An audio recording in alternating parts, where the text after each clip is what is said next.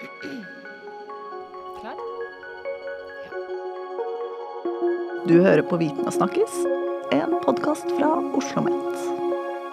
Velkommen til en ny episode av podkasten Viten og snakkes. Jeg heter Halvard Lavoll, og i dag eh, har vi laget en eh, episode for eh, studentene våre, altså, og spesielt de nye studentene. Vi har her på Oslo OsloMet nettopp tatt imot 8000 nye studenter. En hel haug der, altså. Uh, og med meg i studio har jeg Cecilie Dalland. Velkommen tilbake. Tusen takk. Uh, du var her for noen jeg tror jeg snakker om år siden jeg, og snakket om kreativitet i klasserommet. Det var en bok du skrev den gangen. Men du har også skrevet bok for studentene. Ja, jeg har skrevet en bok i samarbeid med Olav Dalland som heter 'Studentens hva, hvordan og hvorfor'. Som ja. går på egentlig hvordan det er å være student, og, og hvordan du bør være det. en skikkelig håndbok, rett og slett? Ja, det er en håndbok. Ja. Det er det. Ja. Så nå tenkte vi skulle få liksom kortversjonen i, i lydformat i dag, da.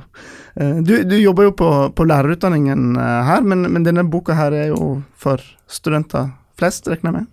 Ja, altså den er, eh, den er for studenter generelt. og litt sånn generelle tips om både det å være student, men også det med å skrive oppgave og eksamen og eksamensformer og hvordan samarbeide med andre studenter og praksis og sånn. Så den tar opp veldig mange ulike tematikker. Den er kanskje ment som en slags sånn oppslagsbok òg, ikke nødvendigvis en du leser fra perm til perm. Men, eh, men eh, den kom egentlig til fordi jeg har en far som jobber, eller jobbet da, i samme, i samme yrke med sykepleierstudenter. Og så fant ut at de hadde, veldig mange studenter hadde de samme spørsmålene, de samme utfordringene, og så, og så sa vi bare, bare hadde, hadde, de bare visst? og, så, og, så, begynte vi å liksom notere ned noen, noen ting vi syntes var viktig, og så følte jeg at jeg gjentok det samme år etter år etter år, og også flere ganger, for da hadde de glemt det hvis jeg mm. sa det litt tidlig i studieåret.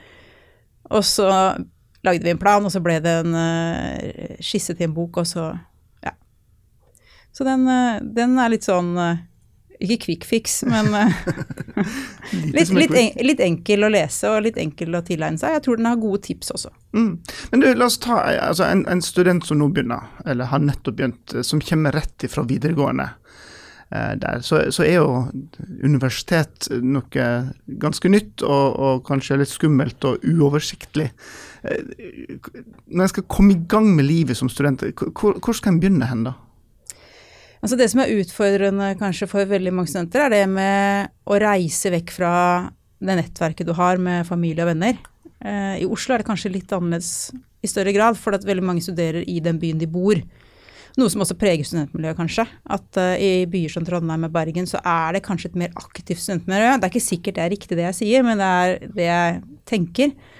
Uh, og at man kanskje fortere finner At det er enklere å få et nettverk enn det kanskje er i, i altså, ikke, altså er i Oslo, hvor, hvor, man drar hjem og er sammen med det nettverket man, og de vennene og den familien man har. Eh, jeg tror det er veldig viktig å være engasjert, prøve å komme seg inn i ulike foreninger eller interesseorganisasjoner eller noe du liksom er interessert i. Altså Liker du å klatre, så meld deg inn i en klatreklubb. Liker du å gå på turer, prøve å finne en, en, altså en studentforening som har det som fokus. Og så tror jeg også at det er viktig å komme seg inn i en slags studiegruppe. Og i år så er det så ekstremt spesielt fordi det er veldig mange studenter som ikke har den naturlige tilgangen til campus og på en måte undervisning, forelesninger, seminargrupper som vi har hatt tidligere, fordi veldig mye foregår digitalt. Da er det også vanskeligere å bli kjent med folk. Du blir ikke kjent på samme måte når du ser masse skjermer Nei, eh, foran deg.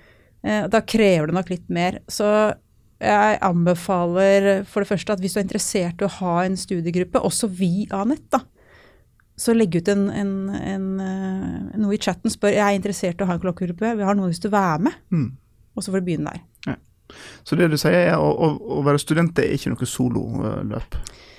Altså Noen velger jo et sololøp av ulike årsaker. Eh, noen velger det fordi de har familie hjemme, eller de har mye jobb, eller de har andre plikter. Noen får et sololøp uten at de vil det selv, fordi de ikke klarer, eller ikke blir innlemmet i fellesskapet av forskjellige årsaker.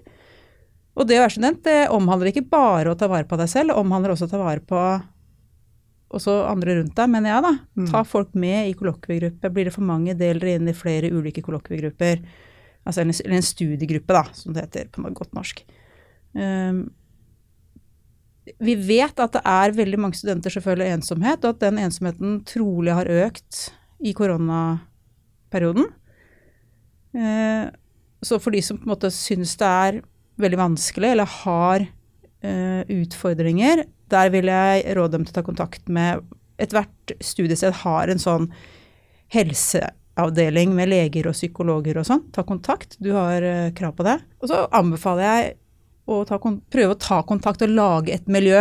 Det er kanskje enklere på liksom, sykepleierutdanninger og lærerutdanninger hvor du på en måte kanskje har en, en, altså en, slags klasse eller en større gruppe du er en del av, enn hvis du går på Blindern og er eh, ja, en del av en svær forsamling. Da. Og så er det jo sånn når en begynner, så, så står en overfor et lass med kunnskap en skal gjennom. altså Pensum og side opp og artikler og oppgaver og sånne ting. altså det der, eh, Den veggen av krav og pensum eh, kan virke ganske stor for en ny student. Hvordan skal en ta fatt på den oppgaven der? Nei, det er den berømmelige elefanten. da. Det er bare å begynne å, å, å, gnafse litt. Jeg tror det første er at du må vite og få Det høres litt dumt ut å si det, altså, men det er noen studenter som ikke helt vet hvordan studieløp de har. Så du må få oversikt over eget studieløp først. Mm. Hva kreves de ulike årene, eh, og hva kreves spesielt i år? Hvis du har praksis, når har du praksis? Du bør lage en leseplan. Dele året opp i uker, og så se hva skal jeg gjøre, når, når skal innleveringer, når er eksamen, når bør jeg lese på hva? Og så lage det først. Hvor mye pensum har jeg? Eh, jeg har jo selv opplevd og trodd at jeg hadde ett år å lese 2000 sider, og fant at jeg hadde et halvt. Eh, og det kom jeg på i oktober. sånn at alle har vært borti det, men det å få størst mulig informasjon om det du holder på med, mm. og så prøve å lese jevnt. Uh, og det her kan jeg ikke si nok ganger. Det er lurt å lese jevnt, ta notater og repetere notatene. Jeg er for tankekart. Uh, jeg er ikke for tettskrevne notatark. Da er det viktigere med stikkord eller korte setninger, men et eller annet som funker for deg. Hvis du er helt ny student, så vil jeg anbefale deg å ta et studiekurs, enten på nett eller lese en bok, eller bare få god studieteknikk. Hvordan du bør lese, og hvordan du bør ta notater. Og så er det dette med repetisjon og du skal repetere. Hvis du repeterer det du har lest, og du har lest godt og tatt gode notater, så skal det holde å repetere til eksamen. Mm. Men da må du repetere den dagen du har gjort det, dagen etter, eh, etter en uke, etter en måned, ikke sant. Du må ha jevne repetisjoner. Og det er mange studenter som for det første stuntleser eh, til eksamen. Og det er mange studenter som leser, men klarer ikke tilegne seg det som står. Uh, enten fordi de leser kanskje feil, at de ikke får det inn, og så kan noe pensum være veldig vanskelig. Og derfor så tenker jeg at sånne kollokviegrupper eller studiegrupper er kjempelurt. Mm.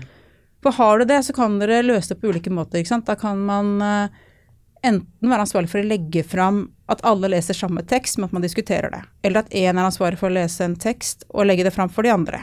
Og så en annen da ansvarlig for en tekst og legger det fram for de andre. Men det lønner seg alltid å lese, lese pensum selv, for da trenger du ikke nødvendigvis stole på at hvis jeg hadde lest en tekst da skulle jeg legge fram at jeg hadde lest den riktig og forstått den riktig, men mitt ansvar er å legge den fram. Og har du lest den du også, så kan man diskutere det. Man lærer masse av å høre på andre. Man lærer masse av å legge fram, og det er mye enklere å trekke tråder mellom de ulike delene av pensum. Og så er det litt ulikt. Der kanskje du går på en utdanning hvor du har forskjellige fag, og da er det ulike tekster innenfor de forskjellige fagene. Eh, eller så går du på en utdanning som på en måte har det er ett tema. ikke sant? Hvis du går på Blindern og følger har ett fag, så har du én eksamen på slutten, kanskje. Mm. Så det er ulike måter. Men uh, det å ha en plan, prøve å følge den, uh, og også det med å ha studiegrupper, det tror jeg er noe av det viktigste du kan gjøre som student. Mm. For å gjøre det godt på eksamen, da. Og så blir jo veldig mange overraska når du kommer inn i universitets, eh, eller inn, inn, inn, i det akademiske miljøet, at det er en, helt annen sjanger. Altså Når du skal skrive oppgave, eh, prate pensum der, så er det plutselig en, en helt annen måte å gjøre det på enn en før jeg vant med. Eh, hvordan skal en komme seg i gang med denne her, ja, spesielt oppgaveskrivingen? Da syns jeg vi skal lese den boka, da. Der er det faktisk et kapittel som handler om akkurat det. Eller iallfall deler av det. Det er det er et bestemt språk. Det betyr ikke at man skal skrive vanskelig, men det er et bestemt fagspråk som man bruker i akademisk Man kaller det akademisk skriving, eller fagskriving. Eh, og de oppgavene består jo gjerne av de samme delene uansett hvor langt du er i løpet. Det er en innledning, og det er en hoveddel og en avslutning, og den, den hoveddelen består av en redegjøring og en drøfting. Og det er drøftingen som er eh, veldig mange syns er utfordrende. Det med å se ting for og mot, ikke sant. Det å og, og den sier det, ja, det sier den også, og så få til en sånn drøftende tekst, for det er der du viser hva du kan. Ja, ikke sant? Og også dette med referering og det å skrive kildelister, altså vite hvor du vise hvor du har kunnskapen fra. Og det beste tipset da, hvis du ikke får den opplæringen i ditt studieløp, så er det å ta kontakt med biblioteket på det stedet du studerer, og be om et kurs. De alle de bibliotekene har ulike kurs, de er supergode på det. Eh, og da får du lære hvordan du skal henvise, hvordan du skal skrive kilder. For det er viktig når du skriver en akademisk oppgave. Mm. Eh, og så er det noe med å på en måte skjønne hva redegjøring og drøfting er, og prøve å ha en rød tråd gjennom oppgaven. Og det tror jeg den boka, faktisk sånn iallfall i begynnelsen, på de første og andre året du studerer, da tror jeg den kan hjelpe deg. For det, det er veldig mange studenter som har lest alt, da, hele pensum, de kan det på rams, men de har ikke knekt den oppgaveskrivingskoden. Eh, og da faller de gjennom rett og slett av det, ikke på fagkunnskapen sin. Og det er dumt. Ja. For det handler jo ikke om å hoste opp eh, det som andre har sagt, men det handler om å, å forstå det og, og, og forklare hvordan en har forstått det. Altså, det er ulike måter å ha eksamener på. Så det er liksom både skriftlig og muntlig, og det er grupper, og det er Altså, alle, alle studieretninger har jo ulike typer eksamener, men en sånn oppgave som går på redegjør drøft, da. Altså ikke nødvendigvis bare redegjøring for et spørsmål hva er, og hva er det, redegjør for det. Men en redegjør drøftoppgave, den går etter de samme prinsippene uansett. Eh, og da redegjør du for et eller annet, og så må du drøfte det etterpå. Og det er den, akkurat den eh, overgangen der som er vanskelig. Mm. Før du har knekt den, da. Og den finner du igjen i bacheloroppgaver, i FoU-oppgaver, i masteroppgaver, i doktorgradsavhandlinger. Så er det samme redegjør og drøft. Så inndeles det litt ulikt, men hovedinndelingen er liksom det. Mm. Mm. Så når du sitter og, og f.eks. er sensor eh, der eh, og skal lese disse oppgavene her, hva, er det du ser etter da når du skal dele ut A til noen? Det kommer litt an på, for jeg har litt ulike kriterier. Hvis det er en sånn det vi kaller skoleeksamen, altså en sånn seks eller åtte timers skriftlig eksamen, så har jeg helt andre kriterier å gå etter enn uh, hvis jeg leser en, uh, en hjemmeeksamen skrevet på en uke, eller en batchoppgave, eller en Ja. Eh, For det første så må jeg bruke de kriteriene som er oppgitt for oppgaven. Eh, Men hvis det er en oppgave som er skrevet med kilder og referanseliste, eh, så sjekker jeg om det er riktig først. At jeg liksom om det er du, Altså, surer surrer du for mye der, så er jeg sånn. Da får du ikke av meg, altså. De, det er en oppskrift, den må dere kunne følge. Eh, om språket Altså om det du, det du sier du skal gjøre, at du gjør det. Mm. For ofte begynner det jeg skal gjøre det, og skal gjøre det, og skal gjøre det. Og hvis det er en problemstilling eller et eh, oppgavespørsmål, at det besvares. Og at det er en rød tråd. Jeg er, hvis du redegjør for noe i redegjøringsdelen, så bør det være med i drøftingsdelen. Det må ikke være to separate ting. Hvis det ikke er et spørsmål som er inndelt i to, at du skal redegjøre først for noe, og skal du drøfte noe helt annet. Da er det helt naturlig. Men, eh, men at det er en konsistent i den oppgaven. En oppgave er det ingenting å ta på. Den er lett å lese. Det er ingenting du sitter og lurer på som leser. Det er god kildehenvisning. Det er eh, god kildeliste på slutten. Det er, altså, den er riktig. Uh, den er eh, delt inn i f.eks. overskrifter. Og hvis du er på et første år, så kan du for meg inndele en oppgave inn i innledning, redegjøring, drøfting avslutning. Så lenge det er liksom eh, Hva skal vi si avsnitt i teksten. Eh, for du må lese, lede leseren gjennom teksten din. Mm. Eh, Også at det, det er logisk det du holder på med, at det er et akademisk språk. Altså det betyr at du har eh, en redegjørende stil. Da redegjør du for noe. Når du drøfter, så bruker du drøftingsord. På den ene siden, på den andre siden. F.eks. et drøftingsord. Da. Du viser at du ser noe fra ulike synspunkter. Og Nå hører jeg at det, det første du sa her med å lage seg et nettverk, en, en, en kollokviegruppe, eh, det må jo være den perfekte gjengen som kan hjelpe deg å gjøre den oppgaven enda bedre, som kan lese gjennom og, og se der det glipper. Det er eh, superviktig. Hvis du har en veldig god studiegruppe, så kan du bruke den til både å diskutere tekster, til å diskutere problemstillinger, eller eh, sånn hva kan vi få på eksamen? Vi kan sikkert få spørsmål, det skal man trekke linjer mellom tekstene. Og også det med å lese hverandres oppgaver. Og da er det noe med at du må Noen som syns det er veldig ekkelt at noen skal lese det, og jeg er sikkert ikke god nok, men det er jo alltid en trapp. Du må jo gå den trappen steg for steg, og du kan lære veldig mye av noe som er litt bedre. Og du lærer også veldig mye av de tilbakemeldinger på andres tekst. Mm. Um, når man sitter og diskuterer tekster, f.eks. Um, La oss si man har, har faget pedagogikk, da, som jeg underviser i, så er det ulike tekster som omhandler ulike deler. Men samtidig så kan man trekke linjer mellom tekstene og si at den, ja, den snakker om det, og den andre teksten snakker om det. Men de har jo noe felles, fordi begge to er viktige for elevers uh, læring i klasserommet. ikke sant? Så trekker du litt linjer, og det er en slags drøfting. Ta, da kan du ta med det inn i skrivinga di.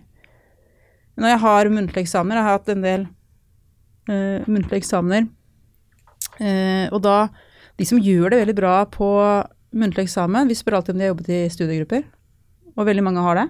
Og vi hører også veldig mye av de samme argumentene og logiske trekningene. Så de har jo på en måte tatt med det de har diskutert i gruppe med inn på, mm.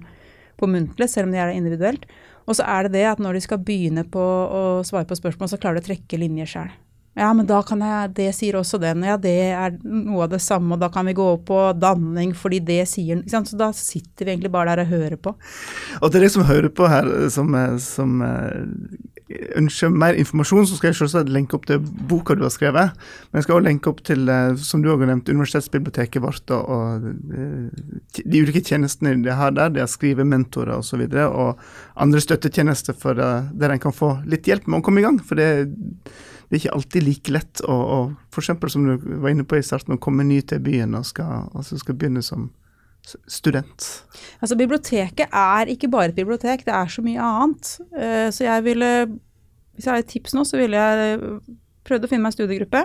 Og så ville jeg undersøkt biblioteket. Hva slags tilbud og kurs kan jeg dra nytte av her? Mm. Og jeg tror også de har studieteknikkurs. Uh, så, og det er jo gratis for studenter, så jeg hadde virkelig undersøkt biblioteket på studiestedet. Mm. Så det mange som lurer på dette her. Um, med pensum, skal jeg kun skal jeg, skal jeg gjennom alt pensumet? Skal jeg kun bruke tid med pensum? Eller nei, jeg fant en video her, eh, eller jeg fant noen andre ting som jeg syns var bedre. Hvordan skal en forholde seg til dette her? Er, er pensum hellig, og det er det som gjelder å kunne det? Altså Pensum er der av en årsak, og det har jo ofte vært mye dragkamper for å få de ulike bøkene eller tekstene på pensum, og mange diskusjonsrunder og sånn. Det er ikke bare noe har liksom ramla ned fra en bokhylle og satt sammen når vi har en pensumliste. Så de er der jo av en grunn. Og når man får eh, eksamensoppgaver, så er de basert på pensum. Eh, og det betyr at du kan ikke basere deg bare på forelesninger. For forelesningene på høyskole- og universitetsnivå det tar for seg deler av pensum. Stort sett så klarer de ikke å gå gjennom alt. Så du, du er selv ansvarlig for å tilegne deg pensum. Eh, når det er sagt, så er det veldig lurt å ha, gå utenfor pensum og se f.eks. andre typer kilder som enten eh, ekstra tekster eller filmer eller sånt, som kan gi deg mer informasjon om det du holder på med. Jeg syns mange studenter er veldig flinke til det. Og så dette med eksamen, som veldig mange sikkert gruer seg til når de skal ha sin første eksamen på et universitet. Hvordan skal en eh, komme i gang med å forberede seg til en, en eksamen, uansett hva slags form den måtte ta?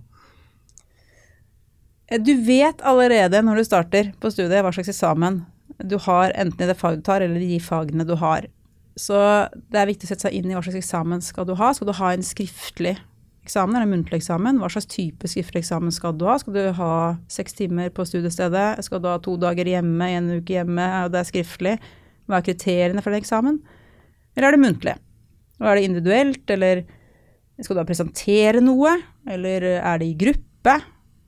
Og hvis det er i gruppe, så ville jeg øvd med gruppa på forhånd. Og det har noe med at alle skal få tid til å snakke så ikke noen tar overhånd og snakker for alle andre, f.eks. At man øver seg litt, fordeler litt. Eh, og faktisk står og øver seg sammen. Eh, det samme gjelder når det er eh, in, altså individuell eksamen. Du øver deg, snakker til deg selv. Snakker deg gjennom pensum. Eh, og skal du ha en presentasjon, så er det utrolig viktig å øve seg på den. Eh, så når det er muntlig, så vil jeg øvd også på å presentere. Når det gjelder skriftlig, så er det lurt å løse gamle eksamensoppgaver. Eh, veldig mange har lagt ut det. Eh, og Da går det an å løse de selv, eller løse de i gruppe og diskutere hvordan man kan løse det. Jo, jo mer eh, informasjon og kunnskap du har om den eksamensformen du skal igjennom, gjør at du måte kanskje roer deg litt mer ned. Men også at du kanskje besvarer den også bedre. Og du vil kanskje se at det er noe av de samme spørsmålene som stilles i en eller annen form. Så du ser, går lenger tilbake, så ser du at det er, det er kanskje samme sjanger på, på spørsmålsstillingen på eksamen. Og så er det lurt å liksom være forberedt. at du, ikke, du må møte, Hvis det er oppmøte, at alt er riktig. At du har betalt semesteravgift, du har studiekort. altså Alt er inne at du ikke står der og du har glemt et eller annet. For da er det ingen som kan hjelpe deg. Mm. Eh, og også at du, hvis du skal møte opp fysisk, så at du har med deg mat og drikke og, og sånne ting. At du, på en måte har den spacen, da, får roa ned. Ta noen dype pust før du starter. Mm. Ja. Uh, og er det muntlig, så er det veldig mange som er fryktelig, fryktelig nervøse. Uh, og det er Man blir jo litt vant kanskje med eksamen etter hvert, men det er jo helt naturlig, og sensorene vet jo også at man er nervøs at det er helt naturlig å være det. Men det er jo viktig å prøve å få kontroll over seg selv, slik at man får vist hva man kan. For hvis man blir så nervøs at man ikke får vist hva man kan, så er det vanskelig å vurdere det òg. Så, så, da man, vet man at man har ekstrem sånn eksamensangst, og det er utrolig ukomfortabelt, så ville jeg også tatt kontakt med studiestedet, hørt du. For jeg vet at iallfall Blindern har noe sånn eksamenskurs Mm. og, og, sånne ting som kan hjelpe deg. Der finnes det masse Mm. hjelp å få. Og så blir det eksamen, og så blir det flere eksamen, og så blir det en topptrent som student Ja, ja. til slutt, så Cecilie, eh, tusen hjertelig takk for at du eh, ville komme med altså gode råd der. Jeg eh, oppsummerer som start med å skaffe deg et nettverk, ei studiegruppe. Så hvis du får det på plass, så vil det meste, regner jeg med, gå bra. Ja, og jeg hadde en studiegruppe, det var ikke jeg som var ansvarlig for det, men de hadde en veldig god måte å gjøre det på. De eh, tok med seg alle bøkene i hockeybager og møttes hos en av de i gruppa. Så lagde de først middag eller lunsj, og så fordelte de ut temaer. Og så satte de seg et eller annet, så ingen måtte forberede seg på forhånd. De måtte bare ha tida, så ingen forberedte seg. Og så fordelte de ut temaene de eh, fikk ansvaret for hver. Satte seg, jeg vet ikke hvor lenge, en time eller en og en halv eller to. Diskuterte.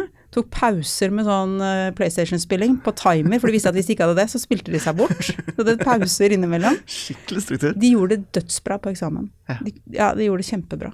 Alle sammen i den gruppa gjorde det. Og det, det, var så, det var litt lavterskeltilbud, men de fikk virkelig bearbeide stoffet. Så det er mange måter å gjøre det på. Ja. Det høres ut som blande hygge med, med streng struktur, så, Ja. så går det bra.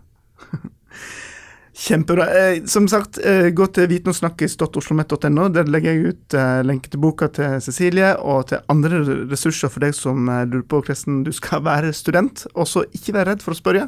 Det er mange rundt deg, og mange som har lyst til å hjelpe, så det, du er ikke alene i det hele tatt. Lykke til. Ja, lykke til, og så sees vi snart en ny episode fra Viten snakkes. Ha det bra.